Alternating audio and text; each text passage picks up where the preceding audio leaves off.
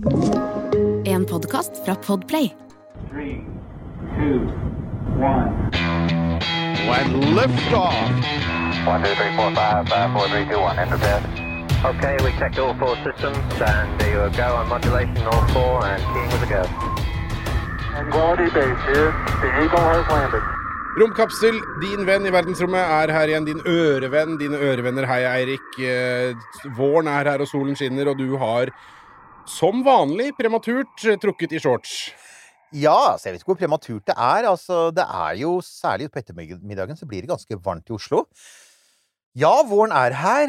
Jeg syns det er prematurt på- med shorts. Ja.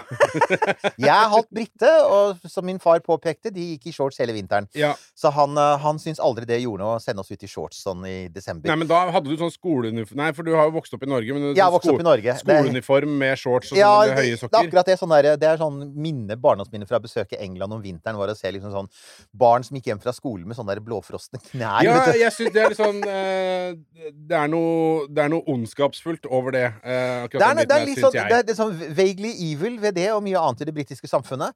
Ellers så kan vil, vil folk eventuelt høre om det blir litt sånn, sånn hvesing og pusting her, så er det fordi at jeg er tungt eh, pollenrammet.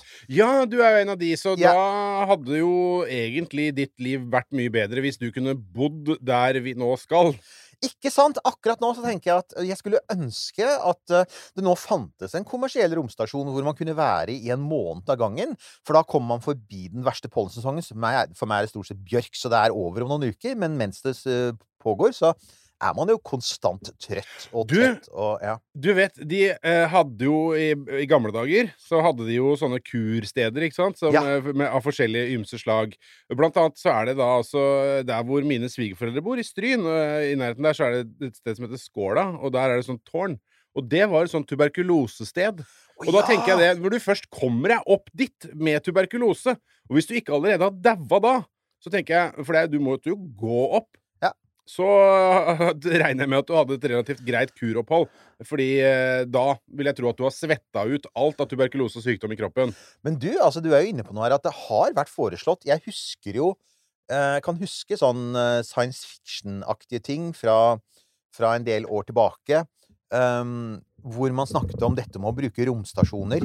F.eks. til folk med hjertesvikt. Fordi at de mente, man mente at vektløshet skulle gjøre det lettere å, å, å leve med hjertesvikt. Ja. Eh, så har jo nå, men nå har jo vi hatt det er, ikke, det er jo bare noen uker siden vi hadde Nima og Nils her, som forklarte oss at eh, jo, jo, kanskje om, om du får gjort noe med hjertesvikten din, så, så sprekker huet ditt, liksom. Så, så det er kanskje ikke, det er ikke altså man, Men i gamle dager trodde man jo helt uh, oppriktig at nei, men altså vektløshet og dessuten, du er fri for smittende bakterier og virus, altså så sant ikke du får noen opp. Men hvis du har folk i karantene, så går det bra.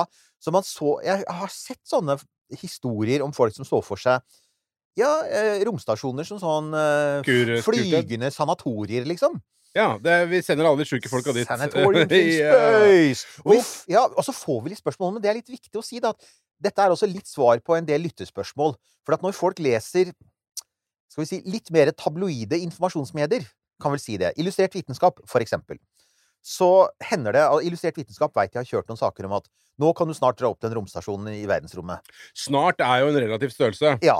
Eh, Jeg pleide å lese illustrert vitenskap for mange mange år siden, og jeg, jeg, jeg merket meg et mønster med at nå kan du snart kjøpe flygebil, ikke sant? Ja, ja. Sånn, mm, ja, men, okay. men med det Det jeg syns er gøy, da, med uh, dette snart-konseptet og alle ting som snart kommer, er jo det at mens vi på en måte sitter her nede på landjorda og registrerer at uh, snart så flyr kanskje Starship, ikke sant? Den Mhm. store lastebilen som skal måtte åpne Ja. opp for alle disse tinga her. Men, men det snartet der, og det kanskje, det er eh, Det er mye der. Det trenger vi ikke å gå inn på nå, men det er en del ting som er vanskelig og vondt før det skjer. Men allikevel så er det da folk som driver og legger planer for ting som snart skal komme. Uh, for eksempel uh, da Bigelow Aerospace, eh, som vi vel har vært innom tidligere. Vi har det, For vi har snakka om dette oppblåsbare hotellet. ikke sant? Og, og, og Bigelow Aerospace for eventuelle nye lyttere, eller for dere som ikke husker en episode for ca. 150 episoder siden. Ja. Men Bigelow Aerospace eh, ble startet av hotellmagnaten Robert Bigelow. Han eier en haug med sånne lavprismoteller og hoteller i USA. Og han, eh, altså på 2010-tallet, da kommersiell romfart begynte å ta av, det var jo også da liksom SpaceX begynte å ta av, så, så fant han ut at um, han hadde troen på at det var mulig å bygge også lavpris hotellkjede i rommet. Ja, jeg har bodd på en del lavprishotell i USA, og jeg kjenner vel sånn at jeg umiddelbart er skeptisk til Motel 6 in space. Ja, altså jeg har, jeg har sett noen sånne YouTube-videoer om folk som går inn med blacklight og skrur av lyset og går på badet på de hotellene. Ah, don't do it! Nei, ikke gjør det. Det er sånn eh, Det var et sted der, så var det Det helt du ikke veit, det, det har Torge skada. Men Og eh, jeg har noen grimme historier fra noen sånne hotell. Men OK. Oppblåsbare Ja, oppblåsbare. Og hotell. ideen, ideen er jo ikke egentlig så dum, for at hvis du har en, um, en Altså, man mener jo ikke da oppblåsbar med en sånn helt vanlig gummiblære. Man mener jo da en sånn tre- eller firelags sak med meteorittskjold og alt mulig, så det blir jo en litt annen type ballong. Men fordelen med det er at du kan frakte opp noe som veier ganske lite, og som vi alle veit, vekt betyr alt i rommet når du skal opp. Og som kan bli veldig svært. Så en av de tingene som Bigelow solgte seg inn på, var gigantiske volumer. Altså, han ville veldig snart veldig raskt få opp noe som ville være sånn tre-fire ganger volumet du har på romstasjonen nå, ikke sant? Kjapt spørsmål der. Blåst opp med hva? Altså, sant å si, så trenger du ikke egentlig noe annet enn fordi, at, fordi det er vakuum utafor. Så vil det si at det er jo Altså, for, for å blåse opp noe, så trenger du høyere trykk inni enn, du enn, enn utafor. Så når du skal blåse opp en helt vanlig gummiblære på jorda, så må du da eh, Må du faktisk blåse ganske hardt, det veit vi jo, eh, for å fylle den hvis den er stor. Eh, I rommet så du, trenger du nesten bare å fylle den med atmosfære med vanlig trykk, som du uansett skal gjøre. Og så vil denne blæra bli stor eh, og, og, og fast. OK. Mm. Ja, så bare litt luft. Altså, du fyller Men du må jo fortsatt ha Hvis det er så enorme liksom, som hodet mitt ser for seg her nå, som skal blåses opp, så må du jo fortsatt ha med deg ganske mye luft. Du må det. Du må ha med deg ganske mye luft, og du må også gode luftsirkulasjonssystemer. Det var jo en av de tingene som Altså, de første eh, det, Du kan si Det høres jo ganske urealistisk ut. Han hadde planer om å bygge sånn kjemperomstasjon med tusenvis av kubikkmeter med volum, hvor folk for eksempel kunne Ja, du kunne ha et sånt stort sportsrom hvor folk kunne spille tredimensjonalt fotball og alt mulig rart, ikke sant? Eller tredimensjonalt. Rumpeldunk, da, altså. Ja, rumpeldunk i Ja, ikke sant? ja. Um, og, da, og da tenker du OK, er han en av disse igjen? Er han for eksempel Det fins et firma som heter Orbital Assembly, som er et sånn derre Uh, litt uh, shady crowdfundings det, det er ofte det det snakkes om når vi sier du kan snart reise til en uh, stasjon i rommet. Det er ofte Orbital Assembly sin plan man snakker om. Og for øyeblikket fins det verken penger eller egentlig noen strategi. Det er som Mars One Det er som Mars One. Det er liksom sånn De har en innmari kul video. Altså, du kan si folk som jobber med datagrafikk, de tjener, gode, de tjener gode penger på dette. Men Bigelow, men Bigelow var for real. For han bygde jo Altså, hans selskap ansatte masse folk. De bygde en prototyp som het Beam, og det var en sånn derre eh, Forkortelse, husker jeg ikke hva akronymet står for, men poenget var at den ble sendt opp til ISS. Den ble kobla på romstasjonen. Så de har faktisk testa ut konseptet med oppblåsbar. Eh, så vidt jeg veit, så henger den fremdeles på ISS. Oi, Um, og den, den, altså, den har blåst opp. Den var jo ikke veldig stor, da. For den skulle passe i uh, trunken, eller i bagasjerommet, til en, en Crew Dragon. Eller, eller var muligens ikke Crew Dragon, var muligens bare var en Dragon. Men den ble sendt opp i 2016 og, og ble kobla på, og den, den fungerte jo, så konseptet fungerte. Men det som gjerne er problemet, da, det er jo selvfølgelig at det er innmari dyrt å sende opp ting i jordbane.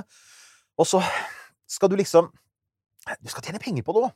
Han, jo, altså, han driver jo hoteller, så han er ikke NASA. Han, han så jo da for seg at dette her skulle være mulig å ja, få romturister og slike ting.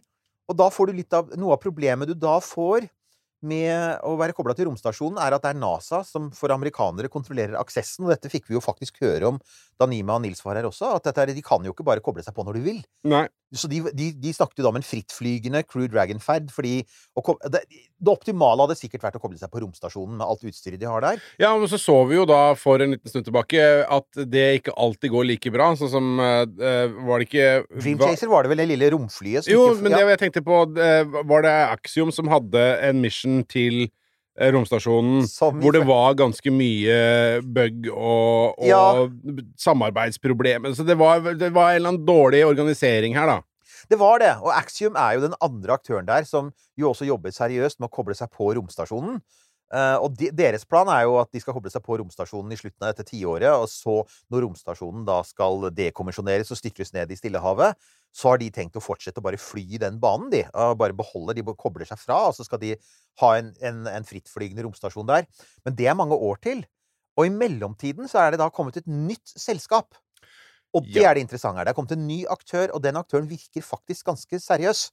Og de har en plan om en egen, helt uavhengig av ISS, en frittflygende romstasjon. Så de En behøver gateway her, altså. Det er liksom en egen gateway. en sånn egen liten gateway. Um, som da for eksempel ikke For at problemet med alle de som kobler seg på romstasjonen, enten det er Bigelow eller Axiom, er at da må de gå i samme type bane som uh, romstasjonen har, og den er tilrettelagt for Baikonur. Den går veldig høyt opp. Det er ikke optimalt når du skal skyte opp fra, eh, fra Cape Canaveral, hvor de fleste har lyst til å skyte opp fra. Ja, ikke så mye Baikonur for tida. Ikke, ikke, ikke sant? Du har ikke så lyst til egentlig å være russlandskompatibel. Så, så denne stasjonen her kan for så vidt gå i den mest optimale banen du vil for liksom maksimal utnyttelse av rakettbrennstoff og slike ting. Så, så dette er da et selskap som heter VAST. V-A-S-T, da. Ja. Eh, og de har lansert da De, de gikk ut nå for Vast betyr vel stort, gjør det ikke det? Ja, og vi kommer til Jeg tror, jeg, jeg tror det er det som er årsaken til navnet, for han, eh, han som driver dette her. Ja, han må vi jo snakke litt om, da. Vi, jeg tror vi kan ønske en ny rommilliardær inn i, uh, inn i varmen. ja, det var litt sånn Jeg, jeg føler at Branson kutta ut, så da var det plass til Ja, en ja nemlig! ny Branson, men du, Branson skal, han skal, han, han skal visstnok begynne å skyte passasjerer igjen veldig snart.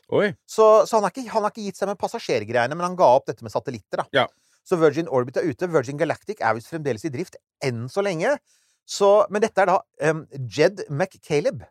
Ja, velkommen til eh, romfartsmilliardærklubben Jeb McCaleb. Hils pent på, Og- på Jeff og Elon og, og, og Richard.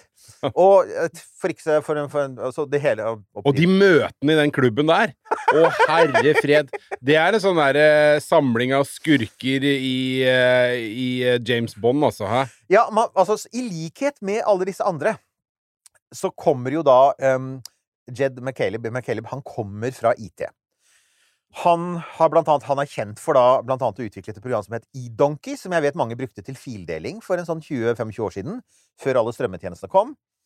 Uh, han har Men formuen hans, som ikke er sånn type Elon Musk eller Jeff Bezos-størrelse, men han har noen milliarder dollar, har han i stor grad tjent på. Han utviklet en sånn derre Bitcoin Exchange-nettside, hvor folk liksom kunne selge og kjøpe bitcoins. Og så solgte han den, og så ble han sittende igjen med en stor slump med penger. Det er så deilig! Ja, ja, ja. har sånn derre kryptovaluta og så fant han ut at han skulle gjøre For egentlig så minner forretningsmodellen hans, planen hans, minner egentlig mer om Jeff Bezos enn Elon Musk, for han skal ikke lande på noen planet. Han vil bygge romstasjoner, Ja. som, som Jeff Bezos også egentlig har lyst til å gjøre. Og i likhet med Jeff, da, så har han ikke tenkt å slippe til investorer.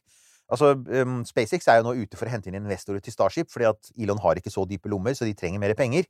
Men dette her er et billigere prosjekt, så han sier da at uh, han, vil, han vil holde det selvfinansiert til det fins en stasjon i rommet, og det fins en eh, klar bane til overskudd. Altså at Mm. man virkelig vet at du kan tjene penger på det. Så det er jo sånn som da igjen gir en følelse av realisme. Du har en fyr som har en veldig sånn tydelig mål. Han har masse penger. Um, og så har du selve Selve Haven One. Den er, altså, den er også ganske nøktern. Eh, I motsetning til disse her igjen, sånn Orbital Assembly, som er en sånn stor roterende romstasjon, sånn à la 2001 med sånne eiker og sånn, ikke sant? Ja. Altså, Haven One er en tønne. Som er, den er tønneforma, og den er da ca. Sånn, hva er det, 3,5 meter i diameter og ca. 10 meter lang. Den får plass inne i um, denne her uh, fairingen på toppen av en Falcon 9. Så det er ikke noe sånn rart mekt... Han baserer seg ikke på Starship. Han baserer seg på en billig Falcon 9-ferd. Uh, han har ikke noen sånn avanserte ting, altså avansert konstruksjon. Det er en tønneform med noen vinger som stikker ut på hver side. Og allerede der så tenker jeg OK, denne fyren her, han Dette er mye mer realistisk. Dette her ser mye mer ut som en ekte romstasjon enn disse her sant, CGI-romstasjonene. Du, dette her er, eh, får jeg litt sånn am- eh, USAs svar på Rakett-Madsen, eh, nesten. Ja, ja, ikke sant? Altså, litt sånn. Enkelt, altså, og, og Scott Manley, han eh, romyoutuberen, han har kalt det for en campingvogn i rommet. Og det er, litt, altså, det er egentlig et veldig godt bilde. For hva er forretningsmodellen her? Jo, altså, den, i, i motsetning til den internasjonale romstasjonen, uh, og for så vidt tidligere sovjetiske romstasjoner, så skal du ikke ha permanent bemanning Altså, jeg tror der romstasjonen er nå, så tror jeg det er vanskelig for den å holdes i drift uten at det er folk om bord. Og det gjør den veldig dyr i drift. Denne her, den vil bare ha folk om bord når det er folk på vei opp. Folk vil bli sendt opp med Crew Dragon. Igjen, man baserer seg ikke på Starship foreløpig, baserer seg på kjent teknologi. Man kjenner kostnadene, man vet hva Crew Dragon koster. Det har vi også fått høre litt om eh, fra Nima, ikke sant? Um, og man veit Her er det en hytte som må varmes opp. Eh, Noen må starte Ja. få fyr i peisen for hver, for hver gang, på en måte. Nemlig. Og da er planen faktisk å bruke live support-systemet til Crew Dragon til å liksom få i gang strøm og luft og sånn på denne hver gang det kommer folk. Så det er jo en interessant tanke at fordi det ikke skal være permanent bemannet, så betyr det også at man må ha systemer for å liksom sånn skru den av og skru den på igjen, sånn Mm. at ting faktisk fungerer. Ja. Og det er en litt ny tanke. Ja, og så vet vi at det i verdensrommet så eh, innebærer det en del utfordringer med tanke på temperatursvingninger osv. Osv. Det gjør det, eh, og, det er jo av de tingene Det er også en sånn realismebit her som er Å ja, de skal Planen er å skyte opp um, eh, tidligst august 2025, og da tenker vi med en gang OK, Ja, eh, 2026, kanskje, Kanskje. 2027. Ja. Men um, og, og, og altså igjen, det er ganske mange av disse her papirromstasjonsprosjektene som sier det sånn midten av 2020-tallet, eller siste halvdel av 2020-tallet. Boots on the moon. Ikke sant? Mm. Men uh, det disse folka her skal ha, er at de har planer om å skyte opp um, sånne småsatellitter. CubeSats og, og SmallSats. Eh, på sånne rideshare missions, med, med, igjen med Falcon 9. Og det, dette igjen, dette gjør vi hele tiden. Nordmenn har også vært med på det, som vi veit. Um, og planen er å gjøre to sånne ferder i løpet av dette året her. Så allerede i 2023 så vil vi få en indikasjon på hvor seriøse det er. For da skal de faktisk sende opp De har kjøpt opp et annet selskap som lager en sånn liten eh, space tug som de skal bygge om til å teste teknologiene som skal brukes i Haven 1. Og da tipper jeg at noe av det Og det er sånne ting som live support, kommunikasjon, sensorer. Og antagelig dette her med at altså, den skal fungere mer som en campingvogn enn som et permanent bebodd hus. Du skal kunne skru den av og på, avhengig av når du har kunder. Men det, her bas, høres det ut som man liksom baserer seg på sånn uh, If you build it, they will come-greie. altså, nå har jeg laga nå, har jeg- nå har jeg stukket hendene dypt i mine lommer og lagt ut for eh, denne romstasjonen. Mhm. Hei, folkens, alle som måtte ønske det. Eh, fasiliteten er på plass. Kom og gjør hva nå enn det er dere vil gjøre. Ja, og nettadressen er der allerede. Du kan eh, faktisk Fordi at planen er at du veldig fort, like etter at eh, Haven 1 er skutt opp og testet ut og vist seg å fungere, solcellene har foldet seg ut, eh, det er atmosfæretrykk i den, man vet at den ikke lekker, så er planen å sende opp um, en Crew Dragon, og det skal da være ferden skal da hete Vast 1. Den skal da komme da igjen ikke Antagelig ikke 2025, men en gang i 2026 eller 2027. Men da skal den, da skal den eh, dokke med igjen helt standard Crew Dragon-dokking. Jeg, det er, altså, jeg liker veldig godt det. De bruker denne kjente, vel, nå veldig velfungerende teknologien. Crew Dragon og, og Falcon 9. Det, det, det går som ei klokke, så du veit at Og det, det kommer til å fortsette dette tiåret her, fordi at, eh, blant annet fordi at eh, SpaceX har jo kontrakter med NASA altså må levere til romstasjonen ut etter tiåret, så teknologien vil være der det finnes. Så er det da fire plasser om bord. Dette vet vi også. Crew Dragon har plass til fire. Eh, For å, for, det er, de har plass til flere, men vi har jo også fått høre at det er ganske klaustrofobisk. Og det er et viktig poeng. Så en, en viktig kundegruppe her blir faktisk romturister som vil ha noe mer enn å være i en Crew Dragon. For at Crew Dragon kan allerede brukes til å gå i bane som romturist, men vi har nå fått høre fra de som har sittet i kapselen, Ja. at det er trangt. Ja. Det er trangt, og det er ubehagelig. Så eh, de selger seg Det er ganske morsomt, for de selger seg inn på sånne ting som Ehm, eh, jo, du, skal, du, du, vil ha en, du vil ha store vinduer, en sånn kuppel i enden hvor du kan ta bilder og foto. Du vil ha, alltid ha wifi, det er de veldig opptatt av. Så dette er helt klart for folk som skal Dette er også for, for influensere. Jo, men det er det. Sier de også på toget til Vy. Ikke sant? Men det det er en sannhet med Ja, modifikasjoner. det er en sannhet med Always on wifi. Og så er det også, så sier de også at det skal være god plass til å strekke seg ut og hvile. ja.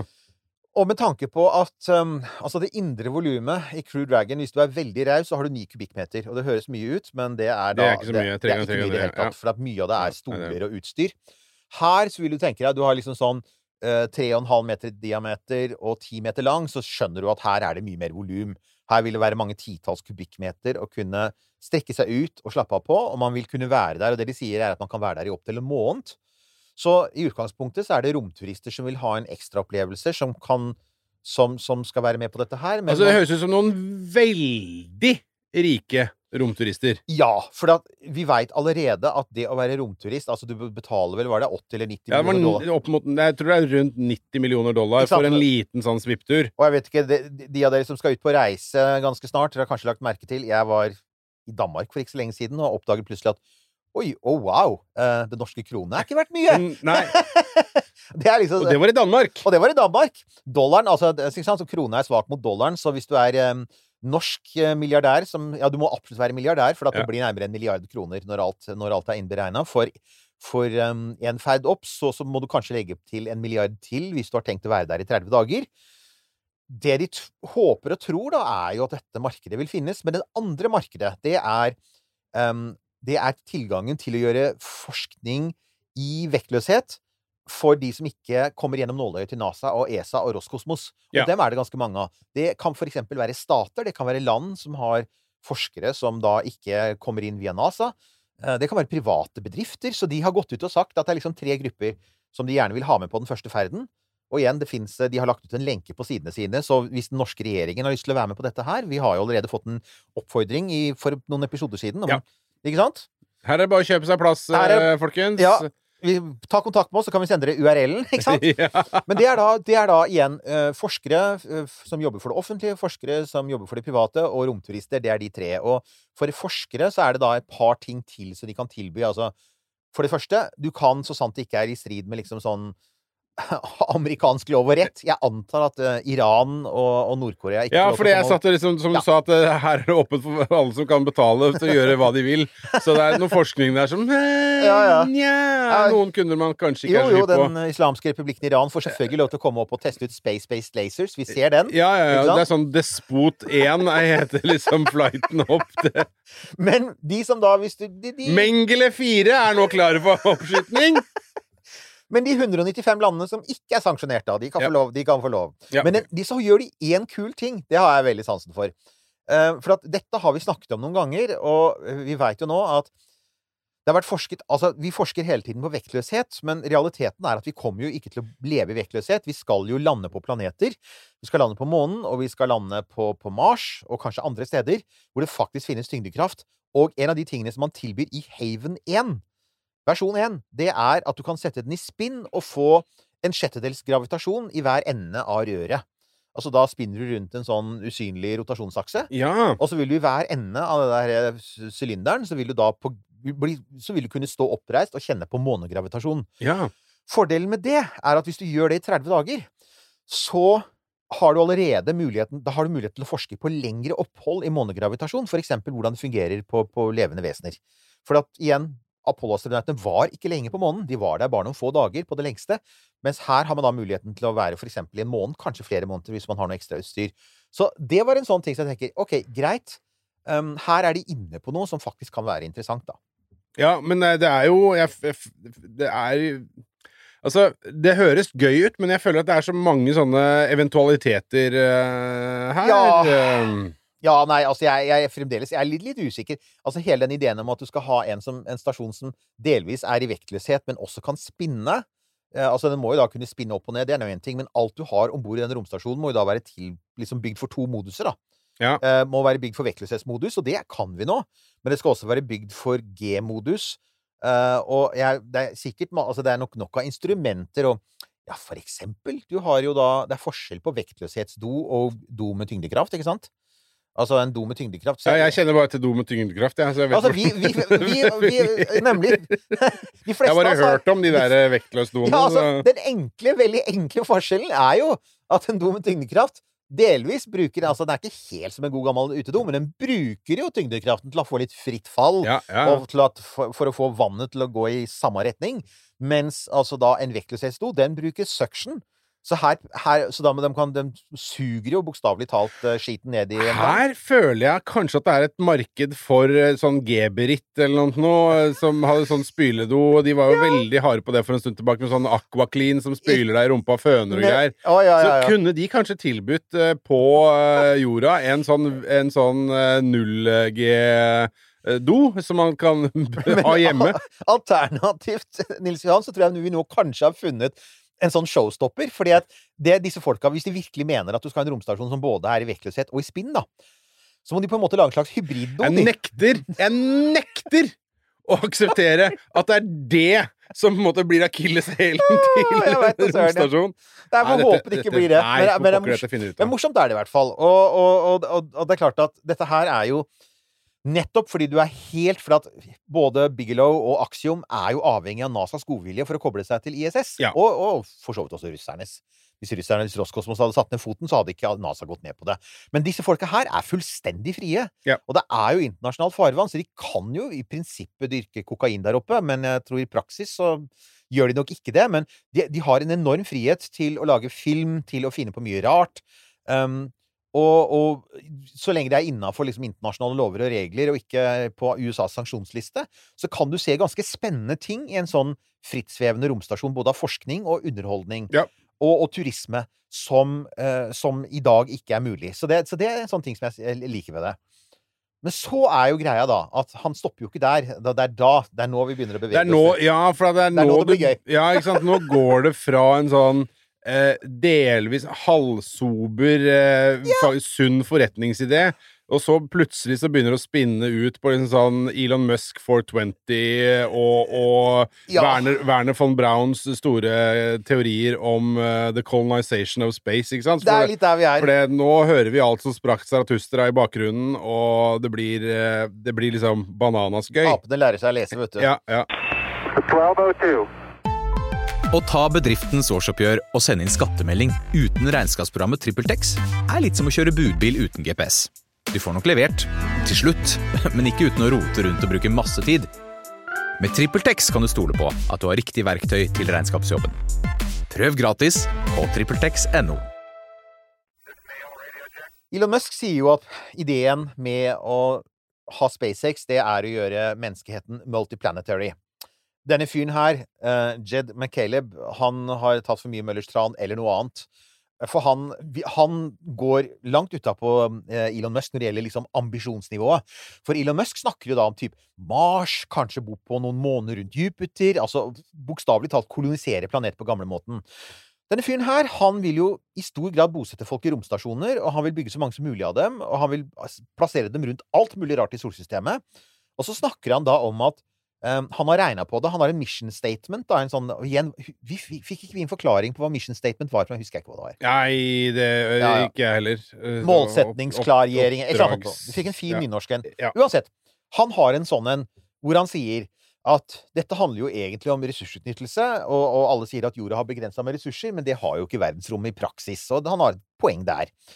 Og så sier han at ehm, bare i vårt solsystem så finnes det 23 000 ganger mer masse tilgjengelig enn det menneskeheten baserer seg på nå. Og så tar han da bare og ganger dagens befolkning med 23 000, og så finner han ut at solsystemet har ressurser til å holde 232 billioner, eller 232 000 milliarder mennesker i live, og vi er da ca. litt over 8 milliarder nå. Så det er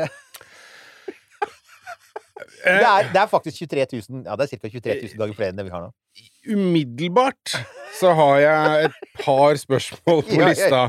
Eh, fordi igjen, det er jo Man kan greit si det. Jeg har ikke gjort det samme regnestykket. Har ikke forutsetninger for å engang begynne på Jeg så den- litt på det, jeg er skeptisk, altså. Ja. skeptik. Jeg er bare sånn umiddelbart skeptisk Ja. eh, til ting.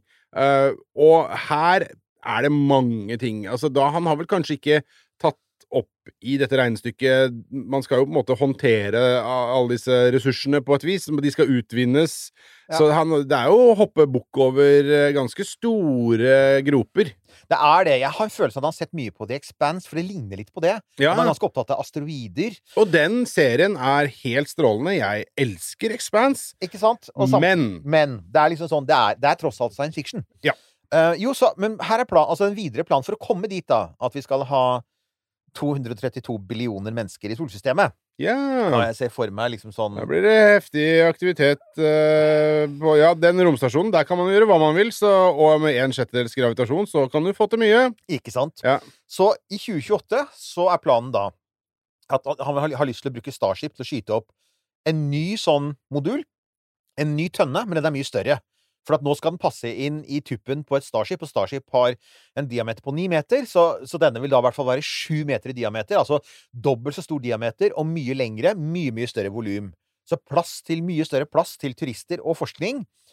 Og her, da, her er da Den skal da være utgangspunktet for det neste store steget, som er på 2030-tallet. For tanken her er at han skal koble sammen sju sånne Starship-moduler på rekke og rad, og da får du en 100 meter lang pinne. Altså det ser ut som en lang stav. Ja, for nå er vi på sånne O'Neill-sylindere etter er hvert her nå. helt, ikke helt der ennå. For utgangspunktet så vil han først koble dem sammen på lang, lang rekke. Sju stykker. eh, med selvfølgelig eh, sånn at du kan fly gjennom eh, hele. Og så vil han begynne å spinne hele den pinna. Og da vil det være sånn, han skal spinne den, da skal den spinne sånn at i enden, hver ende av pinnen så vil det være 1 G. Og jo nærmere du kommer midten, hvor det er vektløshet, jo Ja. lavere blir tyngdekraften. Så et lite stykke opp langs pinnen inn mot midten, på begge sider, så vil det være en tredels G, som er Mars. Og så vil det være en sjettedels G, som er månen. Og når du begynner å nærme deg midten, så kommer du på noe sånn en ca. en hundredels G, som er typisk asteroidetyngdekraft. Ja. Så poenget er å bruke disse spinnende pinnene som sånne laboratorier i bane rundt jorda, hvor du kan drive og forske på altså forske på hvordan det er å leve for eksempel på en asteroide. da. Altså igjen expanse-livet. Mm. Hvordan, hvordan er det i det hele tatt mulig å se for seg at Altså, er det noen forskjell for eksempel på å leve i uh, ja, en hundredels gravitasjon og null gravitasjon? Jeg mistenker at du får mange av de samme skadene, men det vet man jo ikke. Og det er det de har lyst til å finne ut av. Uh, og så, så, så, så det er liksom da det neste målet. Um, og, og da han ser for seg liksom at her er du kanskje sånn 40-50 mennesker som bor fast på disse stasjonene. Og så vil han begynne å feste eh, og bygge ringer ut fra endene, sånn at du får det, disse hjulformene, hvor disse pinnene da blir eikene i hjulet. Og så skal du ha de store roterende romstasjonene, de klassiske science fiction-romstasjonene. Og de kommer på 2040-tallet, og nå syns jeg vi for lengst har forlatt virkelighetens verden.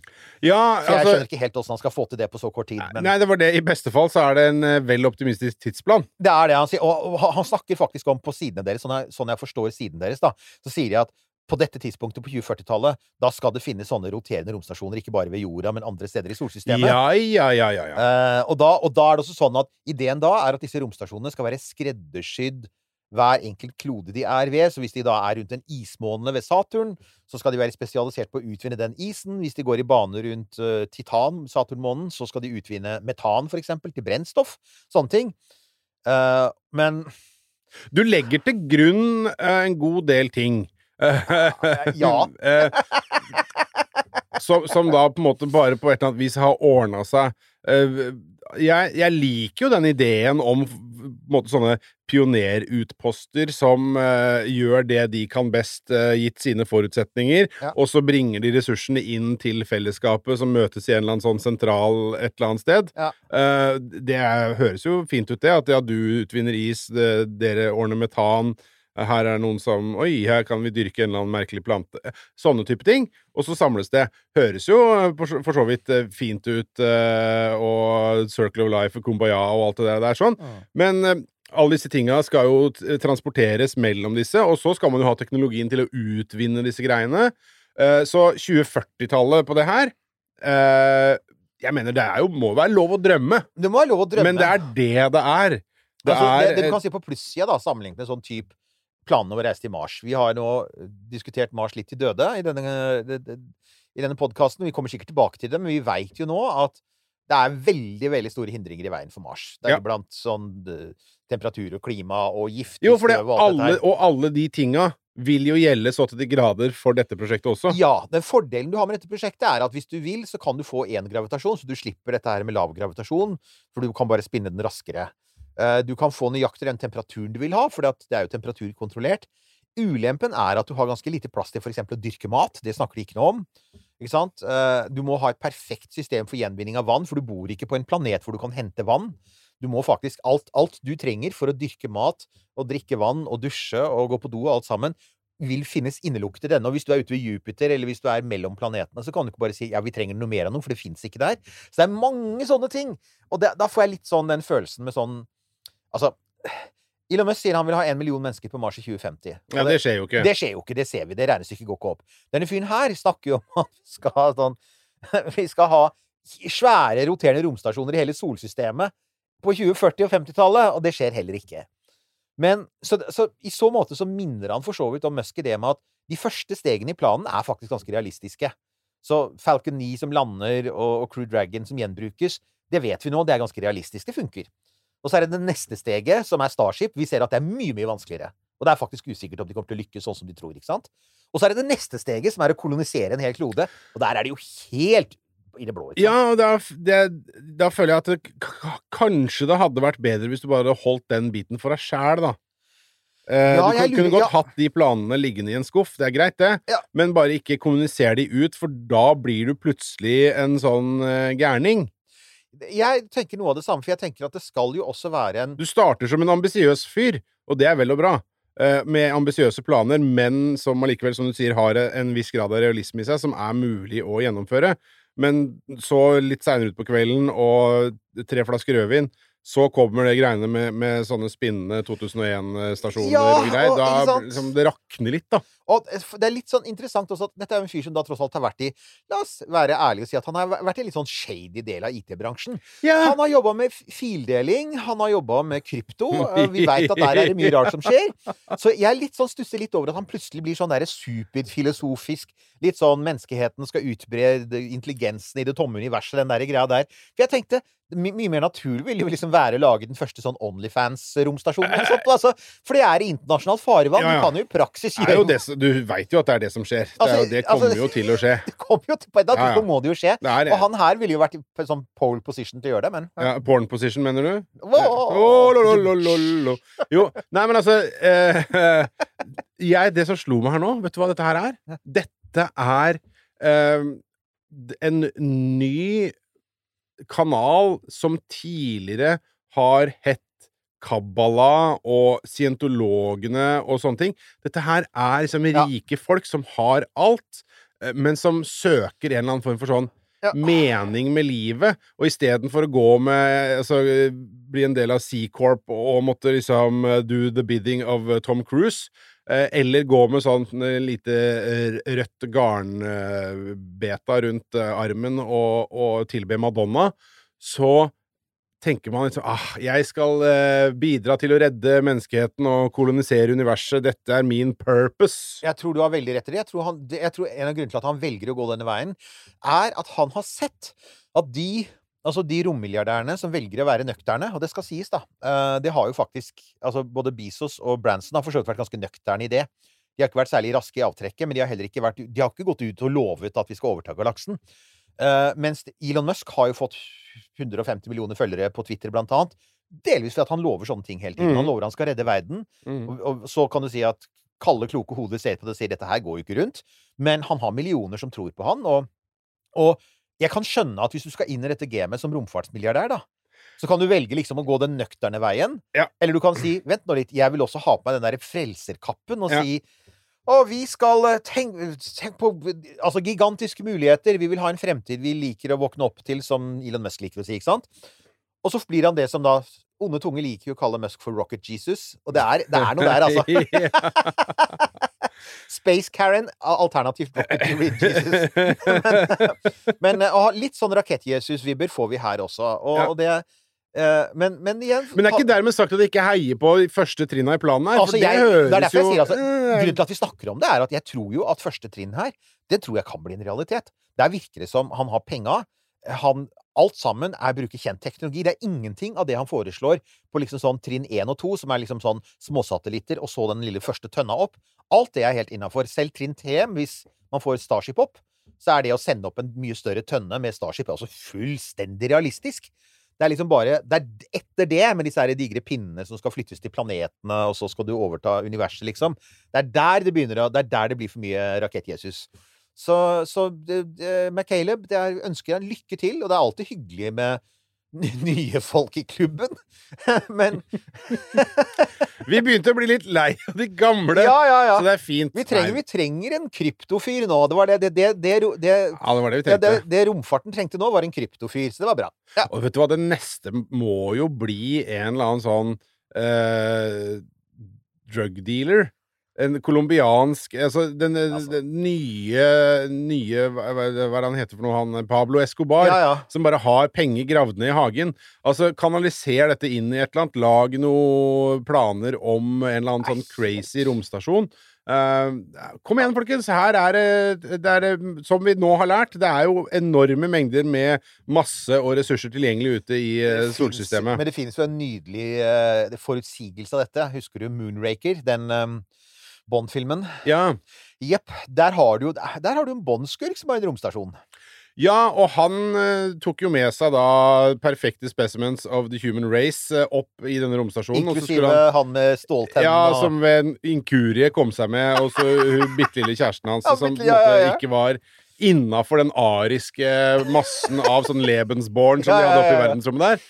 Og så skulle de da starte en ny og glorious eh, rase etter at de hadde tilintetgjort alle som eh, bodde på jorda. Jeg synes noe av det aller beste er det ikke en scene på slutten der selvfølgelig Roger Moore gjør det han alltid gjør med Bond-damene. Og så er det et, Jeg mener husk at det er et teppe som har klart å drapere seg over dem. Ja, man, ja, ja. man- Altså, men, men igjen, hallo, vektløshet. Så, så tips til McCaleb er Gjør den scenen igjen, men la, det, la, la, la, naturlovene få lov til å være naturlover, så skal du se at du får mange seere. Ja ja, det får kliks på eh, Onlyfans, det der. der. Ja, det gjør det. Det Yes. var første gang vi har nevnt Onlyfans i denne podkasten, og det blir forhåpentligvis lenge til neste gang. Det får vi håpe på. Vi, nei, vi kommer ikke til å ha noe sånt nå, eh, men derimot så har vi jo en eh, Vips romkapsel Newth Halvorsen. Og vi har merch på romkapsel.no, og vi har åpne sosiale medier-kanaler hvor vi tidvis uh, legger ut ting og sånne ting. Så ja. Takk for nå, kjære ørevenn. Du har hørt en podkast fra Podplay. En enklere måte å høre podkast på. Last ned appen Podplay, eller se podplay.no. Å drive en bedrift uten regnskapsprogrammet TrippelTex er litt som å piske krem uten miksmaster. Det går jo, men det bare tar masse unødvendig tid. TrippelTex, det fleksible regnskapsprogrammet som forenkler hverdagen for over 100 000 fornøyde kunder.